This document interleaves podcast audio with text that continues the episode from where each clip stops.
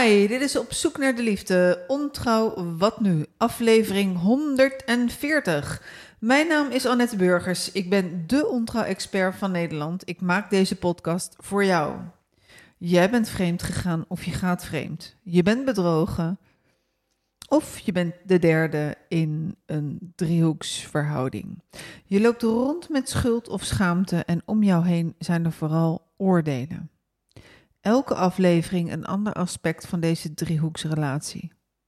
En voordat ik begin, wil ik je alvast wijzen op mijn gratis aan te vragen e-book om jezelf weer op de rit te zetten en schuld en schaamte op te ruimen en te kiezen waar je voor gaat.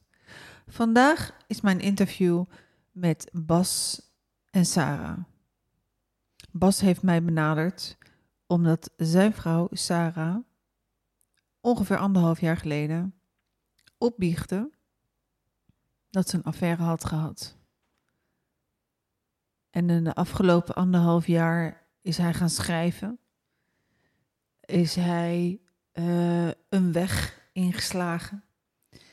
En dat brengt hem uh, vanavond hier aan tafel. En naast hem zit zijn vrouw Sarah. En aan haar zal ik aan het einde ook één of twee vragen stellen. En we gaan luisteren naar het verhaal van Bas. Zo, dan gaan we gewoon uh, beginnen.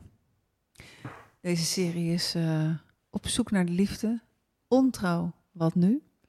Tegenover mij zitten Bas en Sarah. Maar ik ga me vooral richten tot Bas in dit uh, gesprek. Bas, ik ga met een heel andere vraag beginnen dan dat ik normaal doe. Stel dat jouw liefdesleven een boek zou zijn. Wat zou dan een mooie titel voor dat boek zijn? Ja, ik denk dat de titel dan wordt Een weg. Een weg. Ja. Geen, verder geen woord erachter en geen, weg, geen woord ervoor. Nee, een, een weg. weg. ja, een weg. Een weg die mijn leven was, die mijn liefde is. Ja. Oké. Okay. Nou, we zitten hier met het uh, onderwerp ontrouw. Uh, maar ik vind het ook altijd heel erg belangrijk en heel erg mooi om een definitie te bespreken van, het, van de liefde. Wat is voor jou, wat betekent voor jou liefde?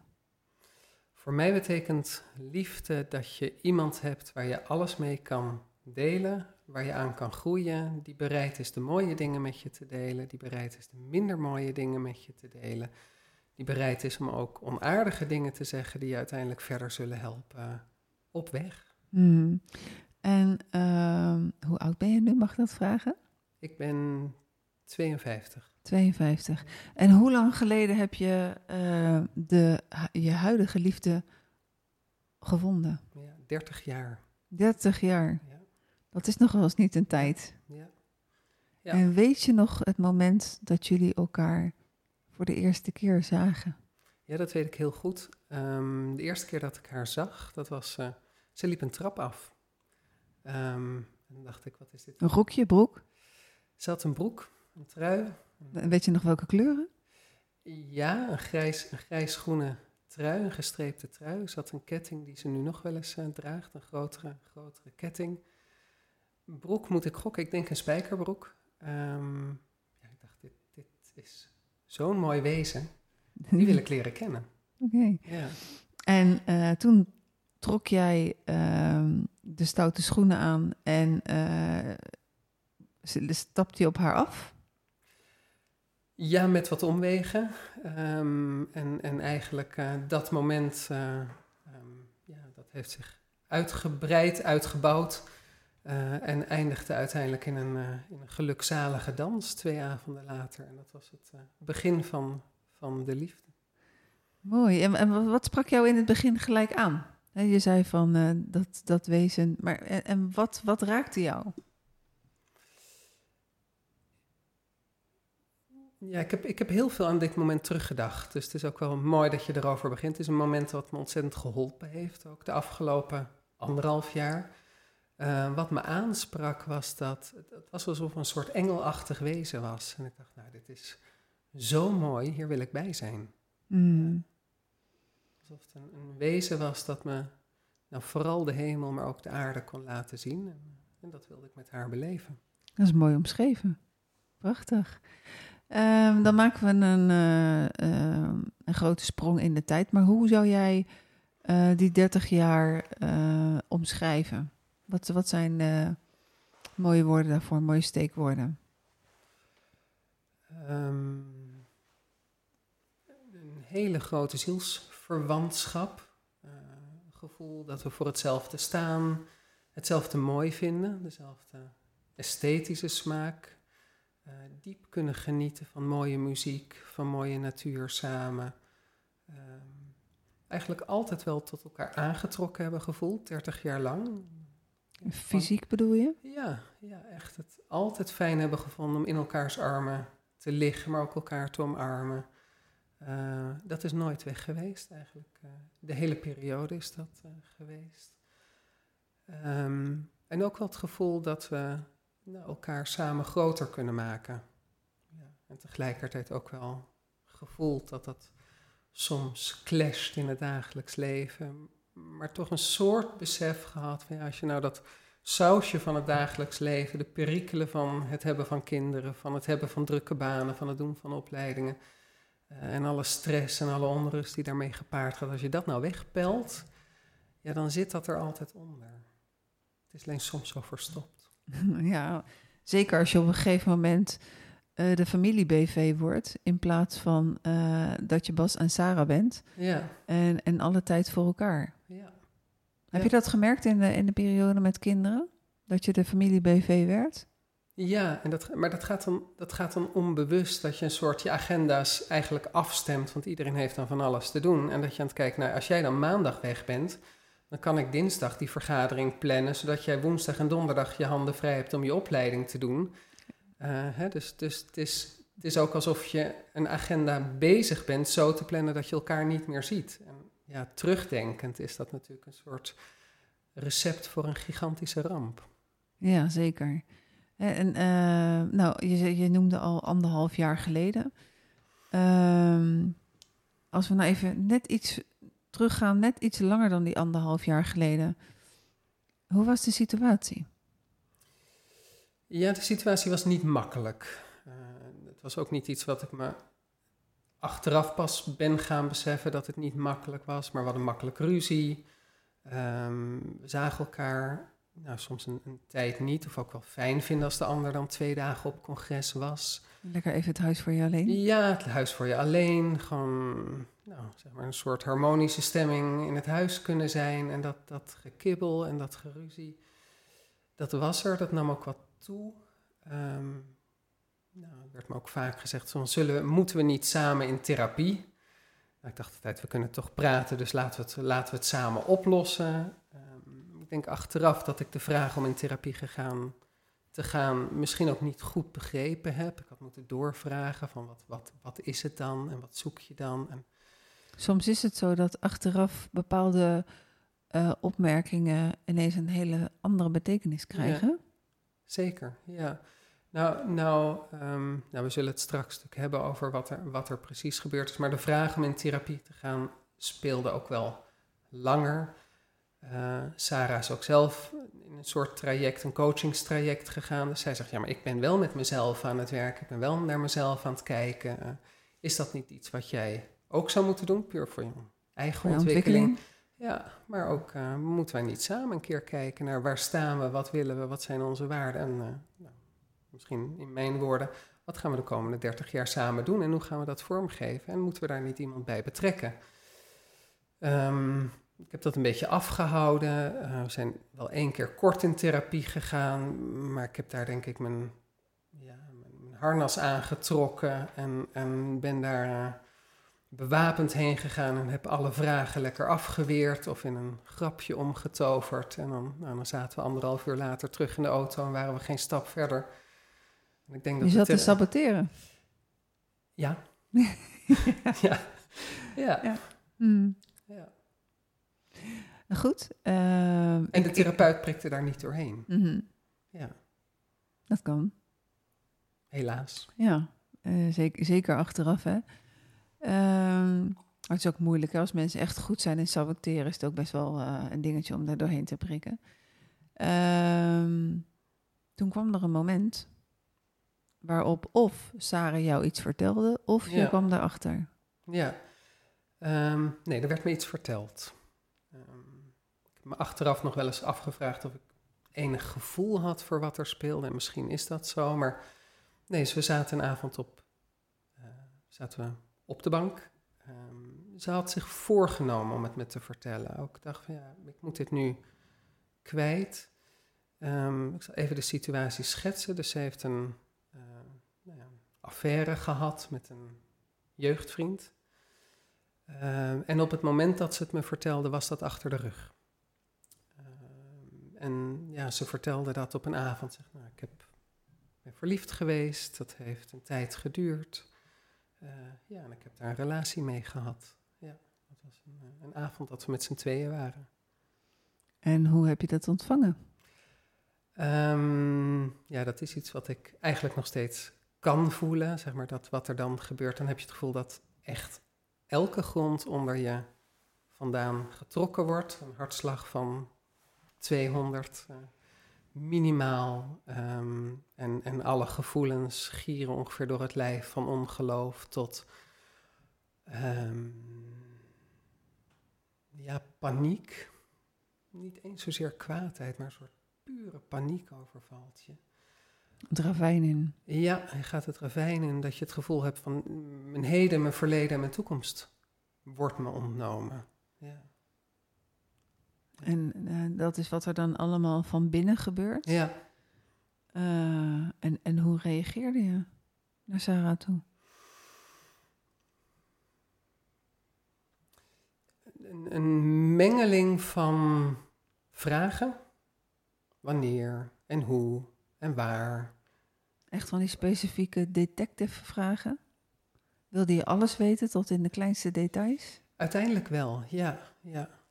Ben je, er- Ehm, ben je er blij om geweest later dat jij eh, die specifieke vragen had en, en dat ze allemaal beantwoord zijn? Ja, heel, heel blij.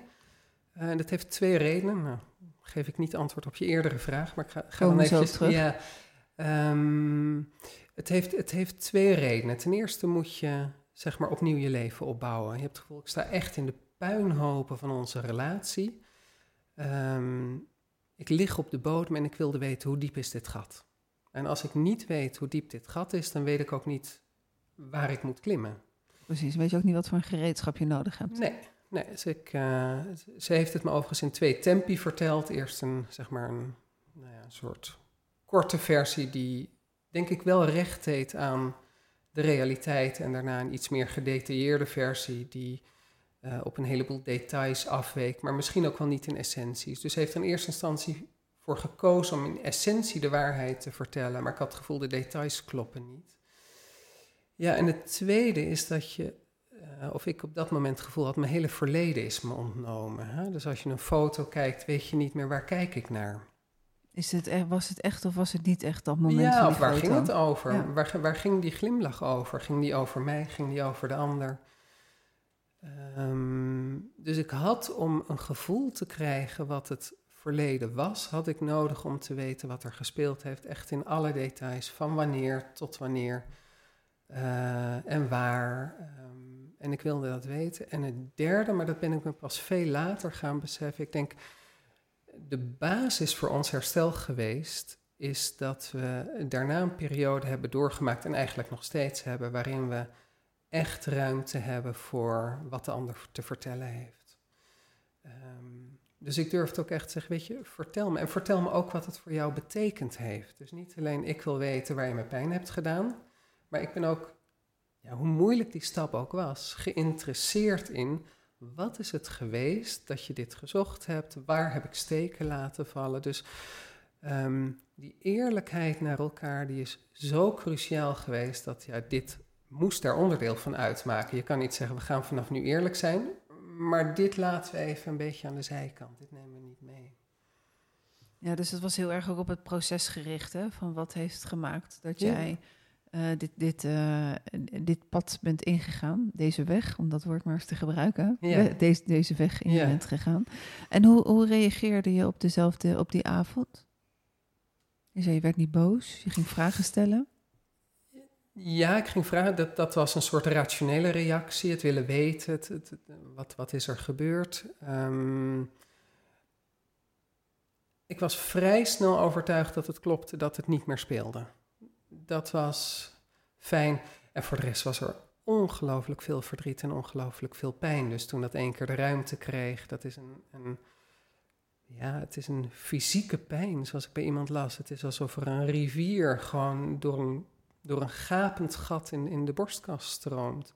Ja, of een vrachtwagen die over je heen rijdt. Ja, ik wist niet dat, dat dit soort dingen zo een ongelooflijke fysieke pijn gaf, alsof er een mes in, uh, in mijn rug zat. Ze mocht ook echt mijn rug niet aanraken. Dat deed te veel pijn. Ja, dus ik heb gehuild, ik heb niet geslapen, um, nog een keer gehuild, paniek, verdriet. Ja, al die emoties. De, de boosheid bleef en blijft nog steeds wat meer op de achtergrond. Heb je wel het idee dat alle boosheid, uh, op een schaal van, van, van 0 tot 10, hoeveel boosheid is er nog? Ja, ik vind het een hele goede vraag. Ik heb twee keer heb ik echt gezeten, hebben echt samen gezeten en naar die, zijn we naar die boosheid toegegaan. Zijn we proberen te voelen, proberen te voelen.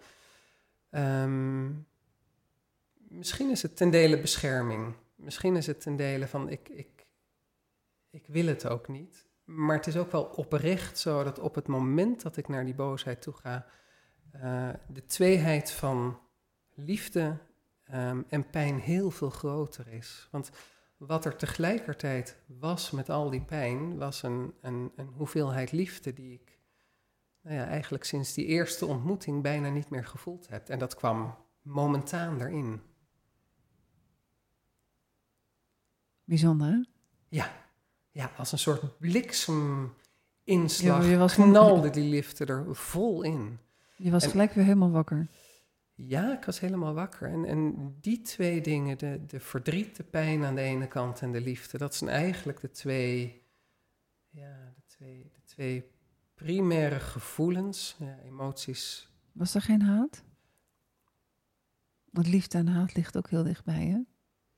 Dicht bij elkaar. Hierover niet. Nee, nee ik heb wel... Ergens, ik ben, ergens anders over wel? Ja, we zijn natuurlijk daarna uh, hele proces daarna zijn we ook gaan kijken van wat is er nou gebeurd met ons? Hoe heeft dit zo kunnen mhm. komen? Wat, wat, waar ben ik tekort geschoten? Waar ben jij tekort geschoten? Um, hele open, maar ook keiharde sessies met z'n tweeën gedaan, tegenover elkaar gezeten. Oké, okay, ik ga luisteren naar jou en je mag me alles vertellen. Ik reageer niet anders dan door er te zijn en, en omgekeerd. Ja, er zat, er zat wederzijds ook ontzettend veel kwaadheid over ja, wat je elkaar in het dagelijks leven aandoet, waar je elkaar niet ziet. Die periode ervoor. Ja. ja. En als je daar een. Um, ja, wat waren de redenen? Um, nou, dan spreek ik even voor Sarah, maar een van de dingen die ze, die ze mij verweet is dat ik altijd deed alsof ik het beter weet en dan haar opzij schoof, wat ja, toch heel vernederend voelde. Um, mijn kwaadheid ging over het feit dat ze, wat mij betreft, te weinig zag wat ik allemaal deed om de dingen mogelijk te maken die zij deed. Aan scholing, aan, nou ja, aan danscursussen. Ik, ik ben er, ik zorg voor het huiswerk en uh, naast een hele zware baan. En dat ja, als een soort vanzelfsprekend of zo zeggen, nee, maar dat hoef je helemaal niet te doen. Ja, wie doet het dan? Dus, dus die boosheid ging eigenlijk over en weer veel meer over het proces daarvoor. Ja, en tuurlijk ben ik kwaad ergens over zo'n. Over wat er gebeurd is en over deze affaire. Ja. Mm. Um, dus um, dat, dat stukje wat uiteindelijk de reden waar, kende jij eigenlijk degene met wie Sarah een affaire had? Van naam. Van naam, ja. maar je had hem nog nooit ontmoet? Nee, ik heb hem ook nooit ontmoet. Mm, nee. ook daarna niet. En je bent er ook niet uh, even naartoe gegaan? Nee, hij woont, hij woont niet in Nederland. Mm -hmm. um, nee, ik heb wel... Uh, heb je contact opgenomen? Nee, ik heb één keer een... Um, uh, dus ik, ik, ben wat dingen gaan schrijven. Ik ben op een paar manieren gaan schrijven. En ik, ik heb een keer een soort, ehm, midden in de nacht, een soort woedende brief aan hem geschreven. Waarin ik zeg maar, al mijn kwaadheid en, en cynisme en eruit heb geschreven. En, eh, ja, dat zit keurig in een, in een soort dagboekje. Dat, uh, dat is trouwens heel goed, hè, voor luisteraars ook. Doe het vooral. Ga schrijven. Schrijf een ja. woedende brief. Ja. Maar verstuur hem niet. Nee. En dus, ja, wat dus dat betreft is schrijven ontzettend goed. Ja. Um, wat, wat mij... Um, jij hebt al wat een aantal podcasts beluisterd, dus het komt niet, denk ik, als een, als een verrassing. Um, wat, wat de vraag die ik heb is waarom Sarah het aan het einde van de affaire, uh, dat het toen het al klaar was, dat ze het toen pas vertelde. Is dat iets wat jou, um, de vraag die je ook had, of was dat helemaal geen vraag voor je? Heeft Sarah het, het verteld, waarom ze het erna vertelde? Ja, er zijn natuurlijk twee vragen zijn dat eigenlijk. Hè? De eerste vraag is, waarom heb je het niet tijdens verteld? Ja, of ervoor, um, maar... Of ervoor, en daar hebben we het vaak over gehad. Er zijn één of twee momenten um, waarvan je denkt, daar had je het kunnen en misschien ook wel moeten vertellen, met misschien een vergelijkbaar effect op onze relatie. Uh, en had je nog teruggekund. Um, maar goed, ik zit hier niet om namens haar te spreken, maar dat zijn natuurlijk de typische verhalen dat het geleidelijk gaat enzovoort. En dat je elkaar belooft om het niet, niet te vertellen. Waarom ze het daarna verteld heeft en het niet um, geheim gehouden heeft, want ze had natuurlijk prima geheim kunnen houden verder. Um, ze heeft op een gegeven moment ook een beslissing genomen dat het belangrijk was om moediger te zijn in de relatie. Um, en dat heeft ze op deze manier vormgegeven. Een beetje onderschattend hoe heftig de uitwerking. Ze had niet verwacht dat het zo heftig zou zijn wat het met mij zou doen. Mm -hmm. Ja. Dat is ook een van de redenen waarom mensen het niet zeggen, omdat je uiteindelijk geen grip meer hebt hè, op, Ja. op wat er gebeurt. Dus dat, eh, dat, dat snap ik. Ehm, en, en, en vanaf dat moment eh, dat je dat ravijn instort, eh, jij zei net al, het is in twee delen verteld. Ja. Is er daarna nooit meer nog een, een, een iets aan toegevoegd? Mijn ervaring is namelijk, dat merk ik ook in mijn praktijk, dat uh, en vertrouwen komt te voet en gaat te paard. Ja. Er moet op een gegeven moment weer uh, gestart worden met het bouwen van die grond onder je. Dat als de waarheid in, in, in delen, als er elke keer een stukje bij komt, um, dan werkt dat vertragend op de heling. Ja. Um, dus kan je daar iets over zeggen hoe je dat ervaren hebt? Ja, Nee, zoals ik al zei, ze heeft een, een, een, versie van de waarheid verteld die echt recht doet, denk ik, aan de essentie ervan. En ze had het gevoel, dit is genoeg. Het punt was, er zat een detail in het verhaal dat het moeilijker te geloven zou maken voor mij dat het dat was en niet meer. Hè? Ik wil er niet al te veel over zeggen, maar de, deze affaire heeft zich, 98% heeft die zich virtueel afgespeeld. In, in eindeloze, uh, met name mailwisselingen. Um, en haar inschatting was dat dat detail het te ongeloofwaardig zou maken. Nou, dat snap ik. Um, en, en ik snap ook dat toen ze het hele verhaal vertelde, want ik had de hele tijd het gevoel, er klopt iets niet. Dit is, dit is niet het hele verhaal. De, deze details rijmen niet. Um, en toen het hele verhaal op tafel lag, toen dacht ik, ja, het lijkt te kloppen. Wat ik heel veel moeilijker vind om mee te dealen hierin, is dat je, um, wat je zegt, je bent natuurlijk het vertrouwen kwijt van hoe kan het dat iemand die je zo lang kent, hè, waar die zoveel voor je betekent en omgekeerd, ze heeft altijd gezegd, ook tijdens de affaire, heeft ze van mij gehouden ook. Hè, dus het is niet dat dat weg was. Hoe kan het dat iemand bereid is gedurende een periode van acht, negen maanden dit soort ontzettend essentiële dingen op ja, niet in relatie te brengen. Um, dus er is altijd een soort stemmetje geweest, in ieder geval gedurende een jaar lang. En dat is een soort heel gemeen stemmetje die zegt van ja, ze zegt dat wel. Maar dat geloven wij natuurlijk niet. Hè? Dat, dat duiveltje en ik dat dan tegen je zegt. En vooral als ik dan een keer in het buitenland was, ja, dat was verschrikkelijk. Um, dus ik heb er ook moeten zeggen, weet je, ik wil het je honderd keer vragen. En alsjeblieft, geef me gewoon honderd keer in openheid antwoord. Het is, het is de herhaling uiteindelijk die maakt dat je ja, ook een stukje vertrouwen krijgt. Uh, ja, dus ik heb er dat ook gevraagd. Ik zeg, weet je, vergeef het als ik er weer een keer mee kom. Maar dit is zo lastig als je dat vertrouwen moet herstellen. Als een heel stuk van je eigen geschiedenis herschreven is door iemand anders. En je daar nu uh, zelf een eigen visie op moet ontwikkelen. Ja, waren er bepaalde triggers waardoor je het op bepaalde momenten uh, lastig had? ja, ja. Um, dus, dus er zijn drie dingen die, die kunnen. Hè? Dus ik kan ineens ontzettend verdrietig worden. Ik kan ook als ik naar podcast uh, bijvoorbeeld van jou luister, kan ik ontzettend geraakt worden. Um, dat, dat, doet me heel veel als iemand die dan partner heeft die vreemd gaat en daar nog een kind bij komt en die dan zegt, ja, maar ik hou toch van je. Dat, dan denk ik, ja, dan voel je zo ontzettend mee. Voel je de pijn? Ja, je voelt de pijn. En dat is iets waarvan ik denk, dat vind ik ook prima. Dit is iets wat ik heb meegemaakt. Um, maar de acute triggers, die, die onvoorspelbaar zijn, die uit een hoek komen waar je het niet verwacht. En dat kan iets ontzettend kleins zijn. Uh, dat kan zijn dat ik twee mensen op straat elkaar zie zoenen. En dat dat dan ineens, dat ik denk van, wacht even, hier is bij Sarah ook iets gebeurd. En die irrationele dingen vind ik veel moeilijker om, uh, om mee te dealen dan het gewoon het basale gevoel van, van verdriet en pijn. Omdat ik denk, ja, dat, dat hoort er fundamenteel bij. Dat, ja, dat heb ik ook geaccepteerd. Ik heb ook geaccepteerd dat het pijn zal blijven doen. Ja. Mm, gaat wel weg hoor, op een gegeven moment. Ja, het is al minder. Ja, zie je, dus uh, ja. tijd is in, in die zin uh, het is geen wondermiddel, maar het kan wel hier en daar helpen.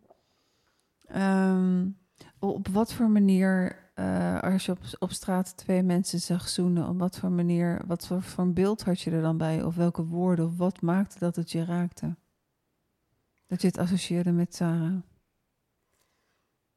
Ja, dat gaat heel onbewust. Dan is er dus iets in mij, toch een soort stemmetje dat zegt: Ja, dat is jou dus ook achter jouw rug gebeurd. En, en het gevoel van achter de rug is een gevoel van absolute machteloosheid. Ja. ja, en hoe dat precies ontstaat en welke triggers het zijn. En, uh, hmm. ja. Heb jij, uh, ik denk het wel, anders zouden jullie hier nu niet met z'n twee zitten. Heb jij uh, de ruimte gekregen en ook zeker het gevoel gehad dat, oké, okay, wanneer die trigger er is, bewust of onbewust, of waar ik ook ben, ik mag het aangeven en ik word ontvangen? Ja, helemaal. Het enige wat ik um, daarin mezelf moet zeggen, is dat Sarah dat niet aan de buitenkant aan mij kan aflezen. Ik heb altijd het gevoel als ik zo getriggerd word en me overvalt weer acuut verdriet, dan denk ik, ja, maar dat ziet ze. Maar met name als ze druk is met iets anders, ja, dan ziet ze dat natuurlijk niet. Nee, het, het komt ook niet op je voorhoofd te staan, hè? Nee, nou heel soms wel. Ja, soms nog steeds komen er af en toe tranen. Uh, en dan, dan is het natuurlijk heel duidelijk. Maar dan, dan moet ik ook, uh, dat geeft ze ook aan, zegt ik wil er altijd voor je zijn. Ik wil er altijd voor de pijn zijn, maar geef het aan en verwacht niet dat als ik toevallig de aardappels loop te snijden en jij aan de andere kant van de kamer die pijn hebt, dat ik dat dan op een of andere manier aanvoel. Ja. Nee, dat is, daar ben ik haar ongelooflijk dankbaar voor. Dat, dat met, een, ja, met bijna een engelengeduld. Uh, Toch die engel die in ja, het begin van die trap af zag komen. Ja, nee, dus, dus dat, dat engelengeduld en nog een keer en nog een keer. Um, en ook omgekeerd hoor. Dus de, dus de dingen die ik haar heb aangedaan in aanloop deze kant op. Of nou bewust of onbewust, is daar de ruimte voor nemen. En, uh, ja. Het is een heel belangrijke omdat uh, vaak is het zo dat degene die overspelig is geweest, die wil, uh, nou die heeft het dan verteld, uh, of het is uitgekomen. En die wil vrij snel weer terug naar het gewone normaal. Ja. en als dat te snel gebeurt, ehm, dan staat dat haaks op de heling. dus ehm, ik zeg ook altijd van hoe meer aandacht je in het begin geeft aan dat stuk geruststelling of aan alle triggers die er komen, als het is eh, als iemand een, mobiel opent of eh, een avond eh, in de kamer zit met, met een laptop om te werken. Als je in het begin heel veel aandacht geeft en de triggers ontvangt en de pijn en het verdriet en de woede ontvangt, dan gaat het proces iets sneller. Ik zeg niet dat het ineens snel gaat, ehm, maar het gaat wel iets sneller. De heling kan, kan sneller plaatsvinden, omdat het vertrouwen dan weer heel langzaam kan gaan groeien. Zo is het ook dat degene die dan overspelig is geweest, eh, als die de leiding neemt in het helingsproces en ofwel, eh, nee, jullie zijn niet samen naar een therapeut gegaan, maar ofwel de stap neemt van oké, we gaan naar een therapeut of gaan we hierover praten. Dat, dat maakt ook uit omdat degene dan weer de verantwoordelijkheid daarmee ook oppakt. Mhm. Ehm, jij bent op je hele eigen wijze ben jij eh, met het eh, proces aan de slag gegaan. Wat wil je daarover vertellen? Ja, ik ehm, ehm, heb het niemand verteld. Dus we hebben het eh, echt als een gezamenlijk proces aangepakt. met het hele belangrijke uitgangspunt dat we allebei het gevoel hadden dat de relatie gewoon opnieuw uitgevonden moest worden. Dus dat was. ehm, 2.0. Bas en Sarah 2.0. ja, ja, 3.0. We hebben twee overgeslagen bijna. Ja. Mhm. Ehm, dus in die zin hadden we hetzelfde doel. En dat maakt het ook makkelijk. En er was ook genoeg liefde. En er was ontzettend veel liefde, ja. Ja. Dus eh, je hebt in de podcast ook wel eens over van, van die momenten, hè, van wat, eh, wat gebeurde er op dat moment. Op het moment dat ze het vertelde, wist ik ook, ik ga hiermee door. Hè, ik hou zoveel van haar dat dit niet voor mij een reden is om te scheiden. Eh, in een split second was dat helder. Dat is ook nooit met mezelf onderhandelbaar geweest. Nee, wat ik gedaan heb is, eh, ik ben gaan schrijven. Ja. Eh, ik ben op twee manieren gaan schrijven. Ik heb een soort dagboek waar ik gewoon mijn pen linksboven aan het papier zet en zeg maar op de meest ongenuanceerde en, en ongeordende manier dingen opschrijf. Gewoon op laten komen. En op, op en- laten komen, eh, boosheid, verdriet. eh, of gewoon alleen maar zeggen, het doet pijn, pijn, pijn. Ehm, en dat daarmee ja, ergens een beetje van me, van me af schreef, zonder dat het, het... Het bleef wel van mij, maar het, het gevoel dat het een beetje objectiever werd. Ehm, en ik ben ook over het proces gaan schrijven. Ja, dus eh, in een... ehm, in iets meer gestileerde vorm. Dat ik ook echt dacht van wat, wat wil ik er nu over schrijven. Al denkend op de dag. En dan eh, nou, eens per week of eh, eens per twee weken schreef ik daar een stukje over. Mhm. En kunst? Wat heb je met kunst gedaan? Ja, dus, eh, dus, dus even terug. Dan, en, en, en, in dat schrijven, dat, ik heb dat stuk ook een, een titel gegeven. hè, Dat, dat heet Een Weg. Ehm, ja, dat is een verwijzing naar eh eh, Schubert's Winterreizen. Waar een wandelaar die begint en die vertelt over zijn leven. En die, eh, en die vertelt dat hij een weg gaat. En dat hij zegt, ja, die, die weg moest ik zelf gaan. Dat was een hele eenzame weg. Hè, want we hebben heel veel samen gedaan. Tegelijkertijd, als je partner in een affaire zit en je ervaart ervan, dat geeft gevoelens van acute eenzaamheid.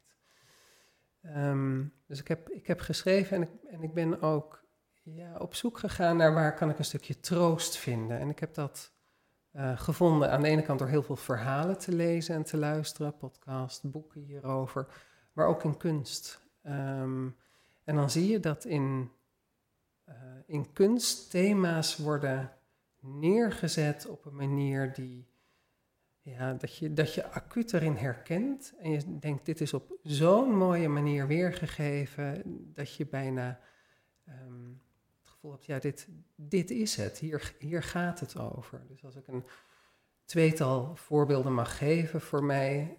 eh, Zeker, ga, Ja. je, ga je gang. nou, er is, ik, ik heb een tijdje echt gedacht, voor mij hoeft het allemaal niet meer. Als me dit ontnomen is, wat, wat, wat doe ik hier dan nog? Eh, ik heb de liefde, maar misschien is het ook wel klaar op aarde. Zeg maar. Zo existentieel eh, was dat bij tijd en wijlen. Eh, niet eens zozeer in de eerste dagen, dat kwam echt na een paar weken. En is er een prachtig lied van Schubert. Eh, nee, sorry, van Mendelssohn. En in dat lied van Mendelssohn wordt er gezongen over iemand die zegt: Ja, ik vlieg weg met een duif en ik heb een plek gevonden waar ik rust vind. Ehm, ja, en dat, en dat wordt op zo'n mooie manier weergegeven dat ik denk: Ja, dat is precies wat ik zocht, maar dan nog mooier dan ik het kon denken. En dat, en dat geeft zo'n gevoel van herkenning. Tweede voorbeeld is, een, is een, bijvoorbeeld een beeld van, van Michelangelo. Zijn laatste werk, dat staat in een, uh, in een losse zaal in Milaan.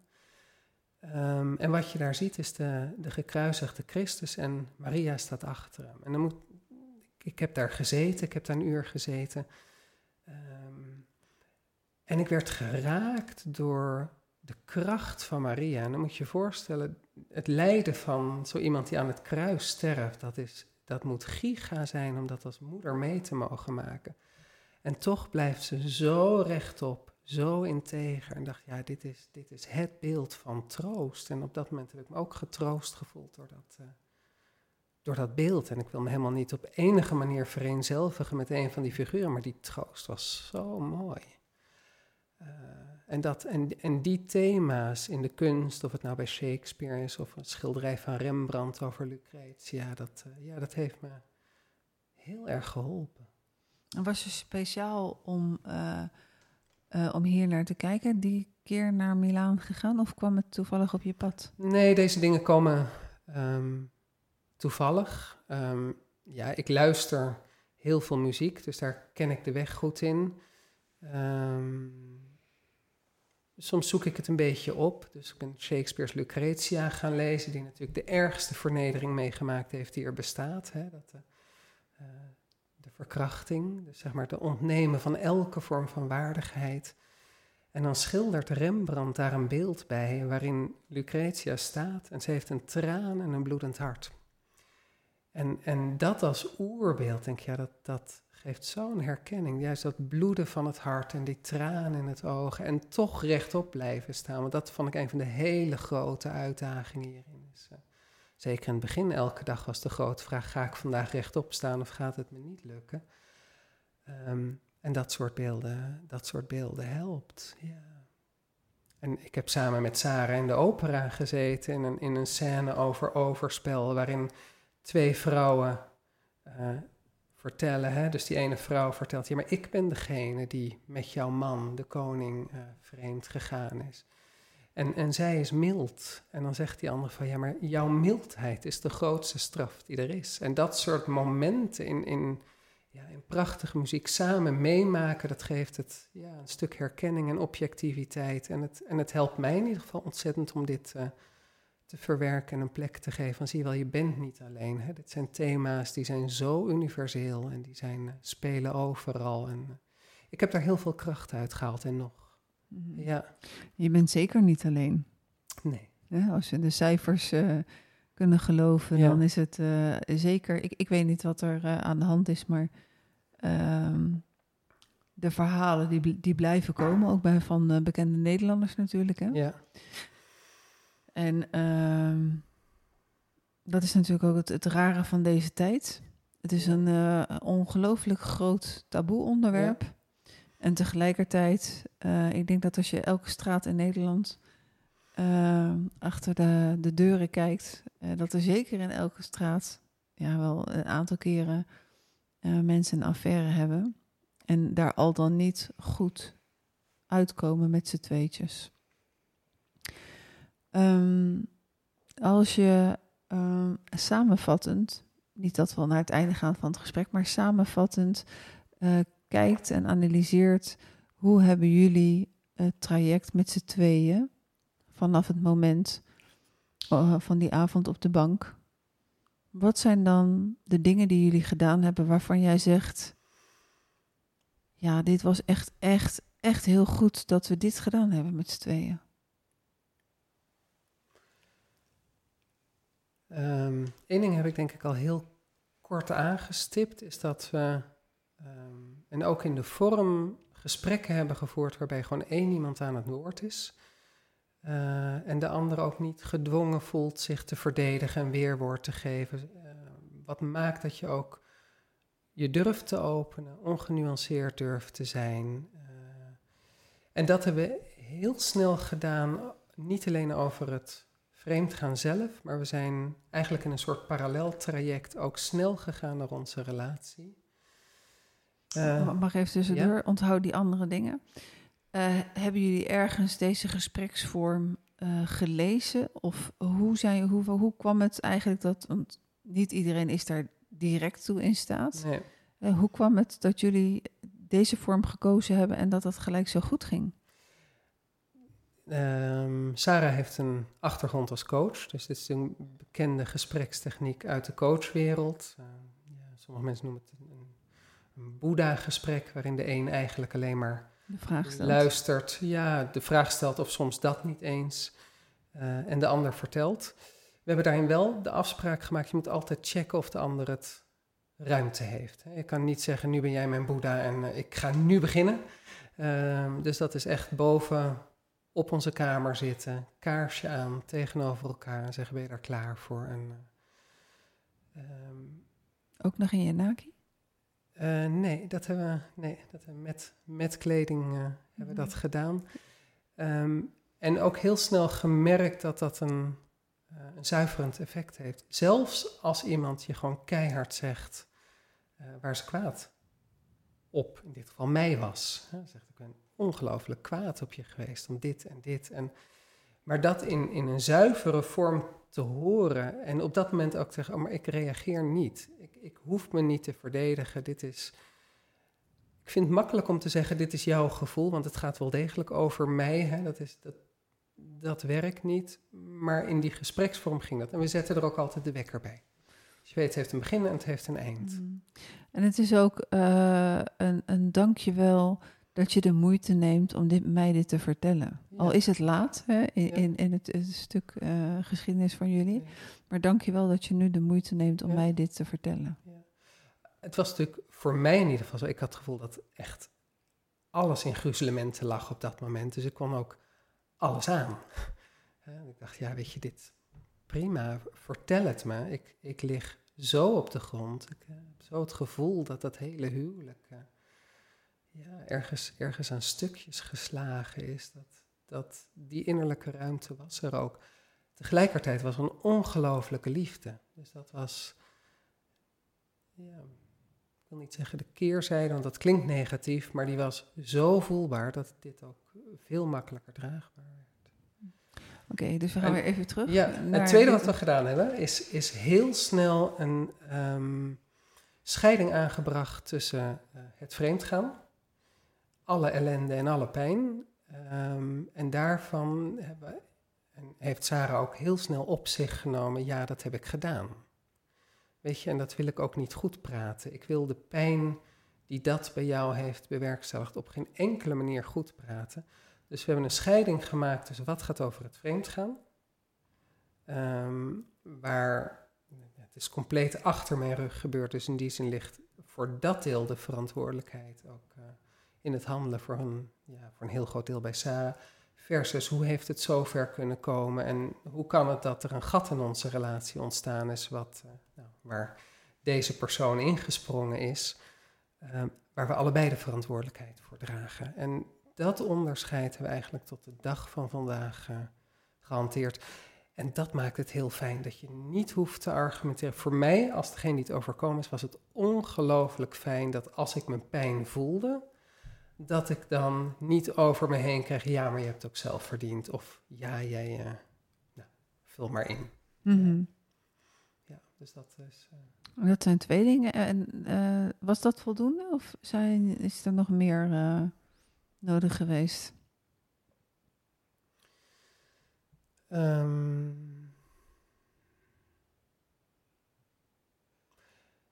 Ja, nee, het, het, derde is inderdaad die liefde de hele tijd voelen en, en ook durven leven. Dus we hebben een ontzettend intensief liefdesleven gehad, lichamelijk, genoten van elke wandeling. Ik heb nog, zeg maar, het blokje achterom was, uh, ja, was, was al zalig. Gewoon het in elkaars buurt zijn hebben we weer opgezogen. Dus die basis was gelijk weer zo aanwezig. En dat, uh, ja, dat heb ik heel bijzonder gevonden. Alsof dat eerste moment in één keer er weer in kwam.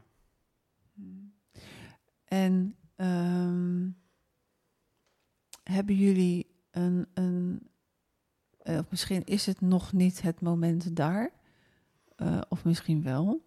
Hebben jullie een ritueel bedacht eh, om, wat je net zei, hè, Bas en Sarah 3.0, om dat te starten en het andere achter je te laten? Nee, ik heb daar stiekem wel over gedacht. Ehm, maar niet geëffectueerd. Het, lastige is natuurlijk een beetje van, we hebben het niemand verteld. Mm terwijl dit wel een heel belangrijk onderdeel van onze relatie geweest is. Dus ik heb het tot nu toe ook wel moeilijk gevonden om dat zeg maar dan in een grotere groep gaan vieren. Maar ik heb wel gedacht aan iets, aan ergens iets kleins en moois en opnieuw, ja, opnieuw de liefde bezingen en, en bezegelen. Ja. Je heeft natuurlijk heel veel vormen daarvan. Maar wat ik eigenlijk. Kijk, ik heb wel eens meegemaakt dat een koppel uh, een kunstwerk kocht. Ja. Uh, wat uh, met, met een mooi toekomstperspectief. Ja. en nou ja, zij zijn naar een, een galerie geweest. Ze hebben dat kunstwerk gekocht. Ze hebben het thuis opgehangen. Ze hoefde niemand daar iets over te vertellen. Het is maar net inderdaad welk, wat, wat je bedenkt bij het woord ritueel. Ja. Je kan het groot maken en inderdaad opnieuw de huwelijksgelofte of uh, een liefdesverklaring voor elkaar schrijven. Daar heb ik nog wel een hele mooie podcast tip daarvoor. Um, dat ga ik trouwens ook gewoon zeggen, want er hebben meer luisteraars die kunnen daar profijt van hebben. Dat is de podcast, het is eigenlijk een videocast van Lars Faber. En Lars Faber die spreekt daar met zijn vrouw Tanja, met wie hij niet samenwoont. Eh, maar wel al twintig jaar een relatie heeft. En zij vertellen over hun huwelijksgelofte. Nou, ik vind ze helemaal geweldig hoe ze dat gedaan hebben. Maar ze hebben wel inmiddels een open relatie. Maar hoe zij die gelofte geformuleerd hebben, dat is echt een aanrader om daar naar te kijken en te luisteren. Maar een, een ritueel kan heel helend zijn. Uh, om, uh, ja, je, trouwt met een ritueel. Sommige mensen gaan scheiden met een, een, een ritueel of geen ritueel. Uh, maar het heeft systemisch gezien heel veel betekenis als je iets start en je eindigt iets en, en dat doe je op een bepaalde manier. Ja. Ik heb een mooi kettingje gekregen, wat ik altijd draag. Uh, maar hier gaan we zeker over nadenken. Mm -hmm. Maar het kettingje was ook al mooi voor jou. Ja. Okay. En um, nou goed, we hebben dus gehad over um, hoe jullie hier doorheen zijn gekomen. Nou, uiteindelijk. Zijn er ook dingen waarvan je zegt van nou dit heeft ons niet geholpen?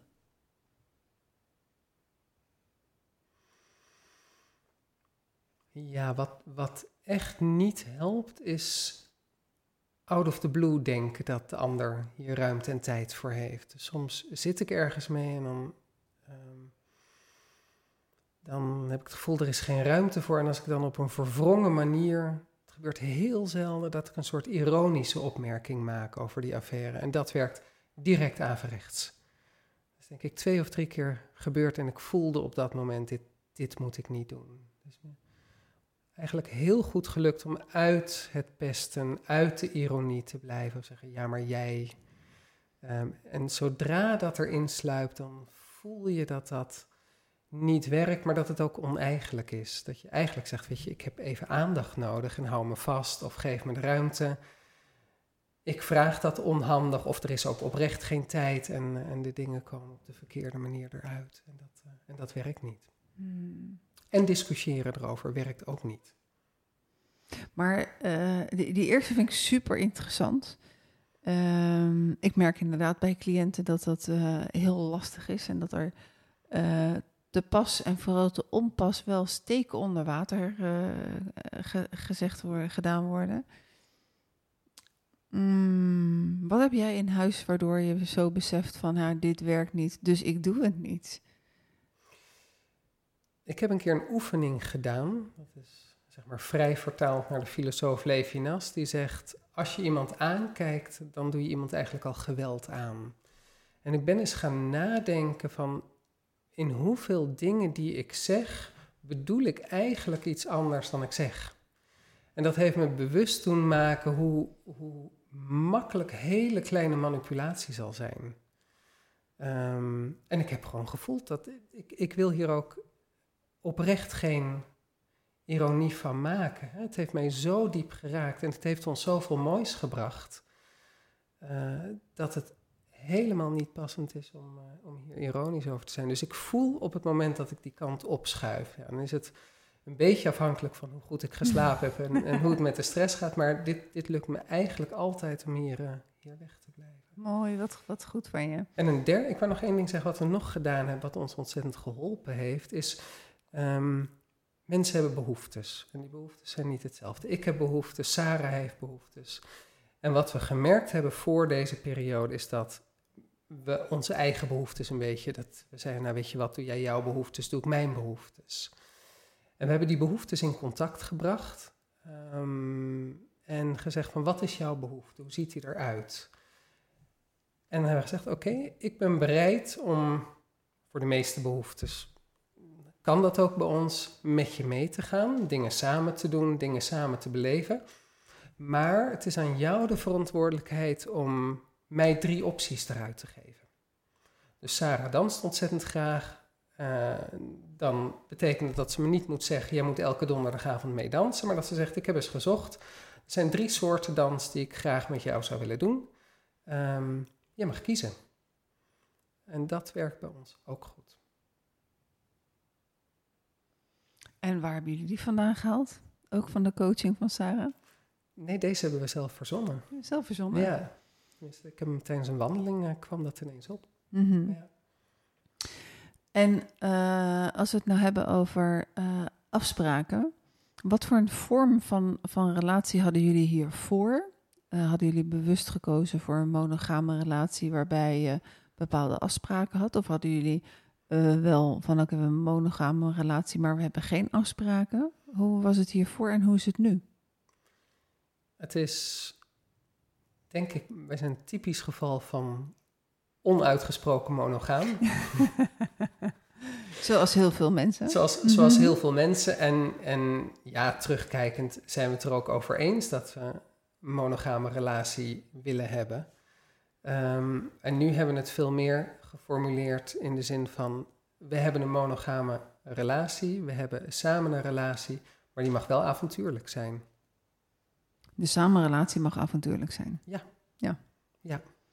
En ehm, ehm, met heldere afspraken ook. Van stel dat, eh, dat je een leuke collega hebt en je merkt van... hé, hey, die collega, die, eh, dat is toch wel leuk als die collega binnenkomt. Wat doe je daar dan mee? Ja, dan brengen we dat in contact. Dus, eh, en ik vraag dat tegenwoordig ook af en toe. Zeg ik, goh, Sarah, is er nog iemand eh, verliefd op je aan het worden of eh, geworden? Ehm, de eerlijkheid gebied te zeggen dat toen we terugkeken naar 30 jaar relatie en, en Sarah's leven, dat ze tenminste vijf, zes mannen kon opnoemen die ook echt expliciet verliefd geweest zijn. Dus ze heeft iets engelachtig opens, wat, ja, wat Wat niet alleen jij opmerkt. wat niet alleen ik opmerk, nee. nee. Mhm. en, eh, en, en jij? Heb jij het wel eens meegemaakt in je leven?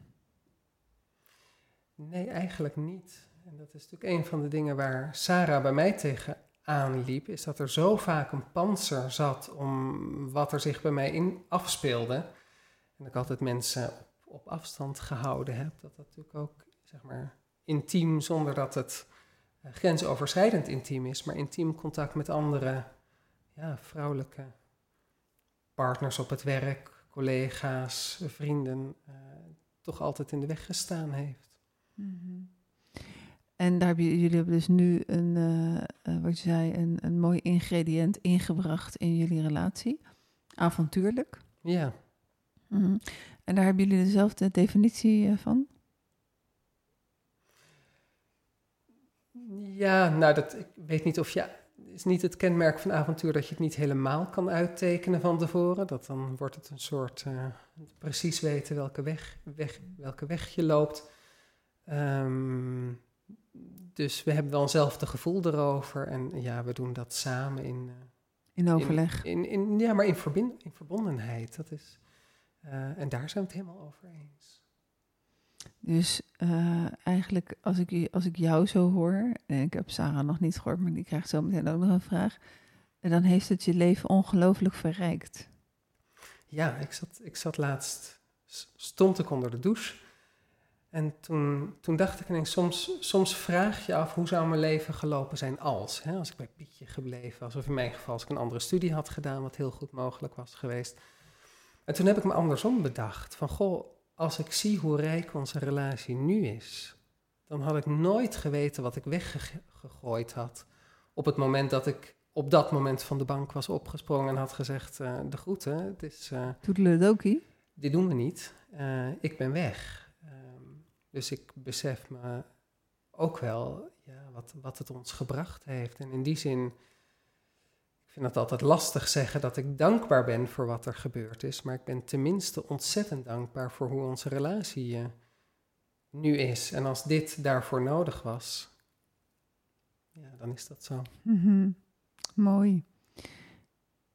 Bas, welke vraag heb ik hier nog niet gesteld en wil je toch nog antwoord op geven? Ja, ik zou nog graag iets willen meegeven wat ik namelijk moeilijk vond. Is dat um, twee hevige gevoelens die paradoxaal lijken. En dat is namelijk de ongelooflijke pijn en de liefde. En soms leidde dat bij mij tot een soort innerlijk conflict. Dat ik dacht van ja, maar als ik zo van haar hou, mag ik dan wel zoveel pijn voelen? Of omgekeerd, als ik zoveel pijn voelde, dacht ik, ja, maar kan ik dan wel van haar houden? En ik zou graag ja, mensen willen meegeven, het, het mag en het kan allebei bestaan en het is paradoxaal. En, uh, ja, dus de weg die ik gegaan hierin ben, uh, is paradoxaal en ik ben toch blij dat ik hem gegaan ben mm -hmm. met Sarah. Nog even, wat, wat ga je doen met alles wat je geschreven hebt? Um, Heb je Sarah alles laten lezen trouwens? Zeker. Mm -hmm. Ja, ze is mijn trouwste lezer. Um, ik heb het voor mezelf geschreven. Het is echt voor mijn verwerking geweest. Ik heb het uh, jou gestuurd, zoals dit contact uh, tot stand gekomen. Um, een enkele keer als mensen in eenzelfde situatie zitten, uh, ja, dan, dan geef ik het met liefde aan iemand. Dus als er iemand is die er baat bij heeft, dan dan, dan mogen ze zich melden. Dan mogen ze zich heel graag melden, ja. Ja, ja. want Bas en Sarah zijn niet jullie echte namen. We hebben nee. voor gekozen. Ik weet wie, wie jullie zijn. En inderdaad, ik heb jouw verhaal, de weg, een weg. Een weg. Een weg. Dat is wel een essentieel verschil, de weg en een weg. Een weg heb ik in mijn bezit. En ik heb het ook aan, volgens mij aan twee mensen ook al gestuurd die daar heel dankbaar voor waren en uh, heel veel aan hadden. Uh, voor zover dank je wel. Misschien kom ik zo nog bij, uh, bij jou terug. Sarah, welkom. Dank. Um, hoe heb jij het proces van Bas meegemaakt? Hoe, hoe was het voor jou om hem zo te zien? Heel moeilijk, ja.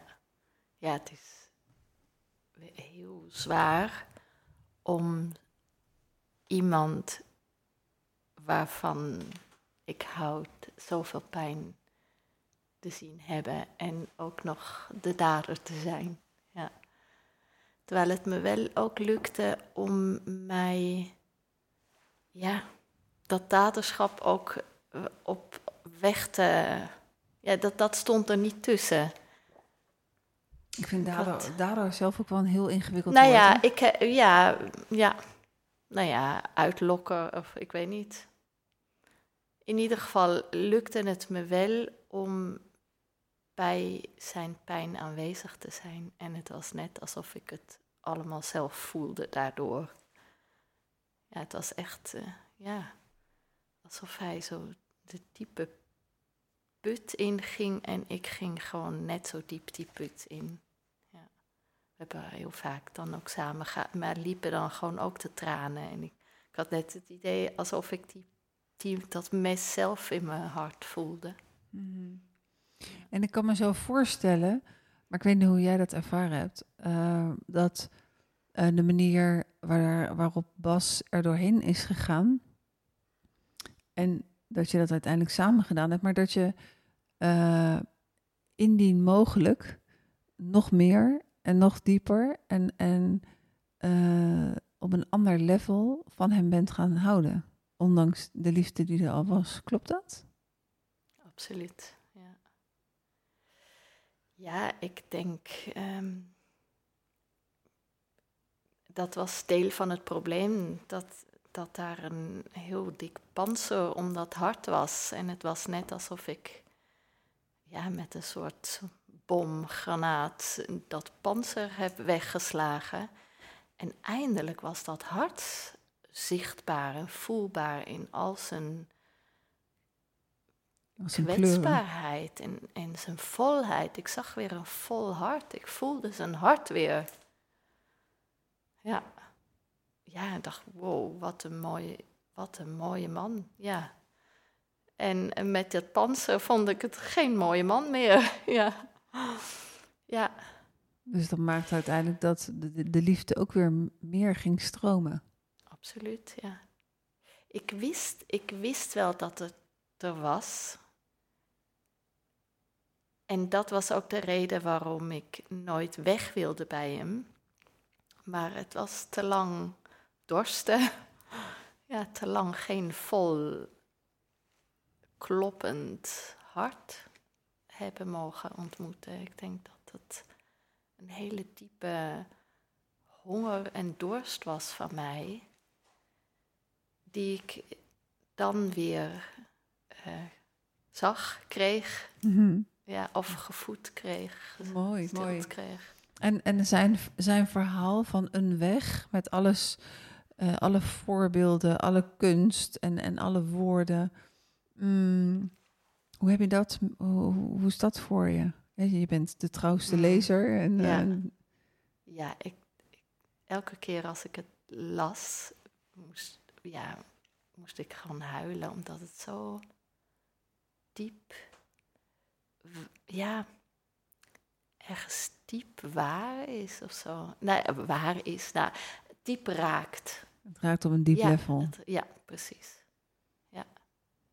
ja, prachtig hoe, hoe daar een eigen gevoel met kunst, bijna alsof dan gevoelens iets spiritueels krijgen of zo, van, van het wezen van de mens eh, door ging schijnen, zoiets. Wat mooi. Ja. Ik denk dat, eh, eh, dat, dat jullie ontzettend mooi op een goede eigen manier, op een eigen weg daar doorheen zijn gekomen. Dat jullie voor veel mensen een, een ja, mooi voorbeeld kunnen zijn dat, eh, dat je niet op zo'n moment van de bank af hoeft te springen en de deur dicht hoeft te slaan. Ehm, nou dacht ik nog, ja, heb ik nog een vraag voor Bas en dan ben ik hem eventjes kwijt. Ehm, maar ik, ik weet nog gewoon niet meer. Dus dit Hm. eh, knip ik er gewoon alsnog eh, misschien, eh, misschien uit. Misschien laat ik het erin zitten. Ehm, ja, nee, ik weet het wel weer. Bas, ehm, dit verhaal vertellen, wat betekent dit voor jou? Dat je het verhaal vertelt in een podcast?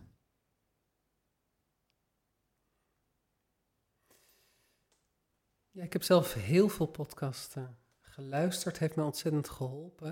Het is ergens ook fijn om een verhaal te mogen vertellen. En als ik het vertel en, en de dingen ook weer herbeleef, dan denk ik, ja, zo, zo was het. En, en hier sta ik voor. En dat te kunnen zeggen in een podcast, ehm, ja, dat doet, ergens doet dat ook goed. En mensen te kunnen zeggen van, nou, weet je, er zit in zo'n relatie, ook als het even verstopt is en dan vervolgens eh opengeslagen wordt, zoals eh, Sarah net noemde. Daar zit zoveel moois en dat we dat hebben mogen beleven, ja, daar, daar ben ik ongelooflijk eh, dankbaar voor. En dat we nu een relatie hebben die niet gekenmerkt is door jaloezie, elkaars telefoons lopen te controleren, maar, maar in vertrouwen elkaar in de ogen kunnen kijken. Dus eh, ja, dankbaarheid. En ook dat dat eh, verteld mag worden. En je had een bepaald beeld naar alle waarschijnlijkheid van, nou oké, als ik het ga vertellen, dan, eh, dan voelt dat misschien zo en zo. En hoe is het uiteindelijk om hier eh, te zitten en je verhaal te hebben gedaan? Viel het mee, viel het tegen? Nee, dit, is, dit valt mee. Ja, het, is, het is natuurlijk ook een verhaal wat zo verweven is met mijn leven, dat het ook ergens heel makkelijk is om het, eh, om het woorden te geven. Ja, en wie weet kan het uh, mensen stimuleren om toch het gevoel te hebben dat, dat relaties waardevol zijn. Zeker weten.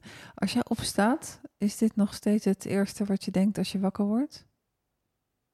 Of kijk je naast je en word je heel erg blij van Sarah en denk je er niet meer aan? Ik word heel vaak wakker met een idee naast me. Wat heb ik toch een ontzettend mooi geschenk naast me. En heel soms word je nog met, met een, een, een zwaar gevoel wakker of, of, is dat weg inmiddels? Heel soms heb ik nog een, een nare droom. Ik kan nog in de trein zitten dat ik ineens weer rillingen over mijn rug krijg van wat er gebeurd is. Um, er zijn nog momenten dat ik wel om iets kleins moet huilen wat, uh, wat hieraan raakt. En, uh, ja, dat zei zo. Mm -hmm. Ik wil jullie bedanken voor je eerlijkheid, je openheid en het delen van jullie verhaal. En uh, ik vind het prachtig om, jullie zien er gewoon uh, verliefd uit als jullie dan naar elkaar kijken. Dus uh, niemand ziet dat, maar ik zie het toevallig wel. Dus ik geef er woorden aan dat de luisteraars dat ook horen. Super bedankt en heel veel geluk in de liefde samen. Dankjewel. Dankjewel. En wil jij ook je verhaal vertellen? Het kan, onder een andere naam, dus anoniem. Dan kan je me benaderen via info.youtubecoaching.nl en ik zal daar zeer integer mee omgaan. En uh, vond je deze podcast nou uh, inspirerend? Herkende je jezelf erin? Voel je herkend, erkend? Geef hem dan een goede like, zodat hij wat hoger in de ranking komt en beter te beluisteren is voor iedereen die dat nodig heeft. Dankjewel voor het luisteren.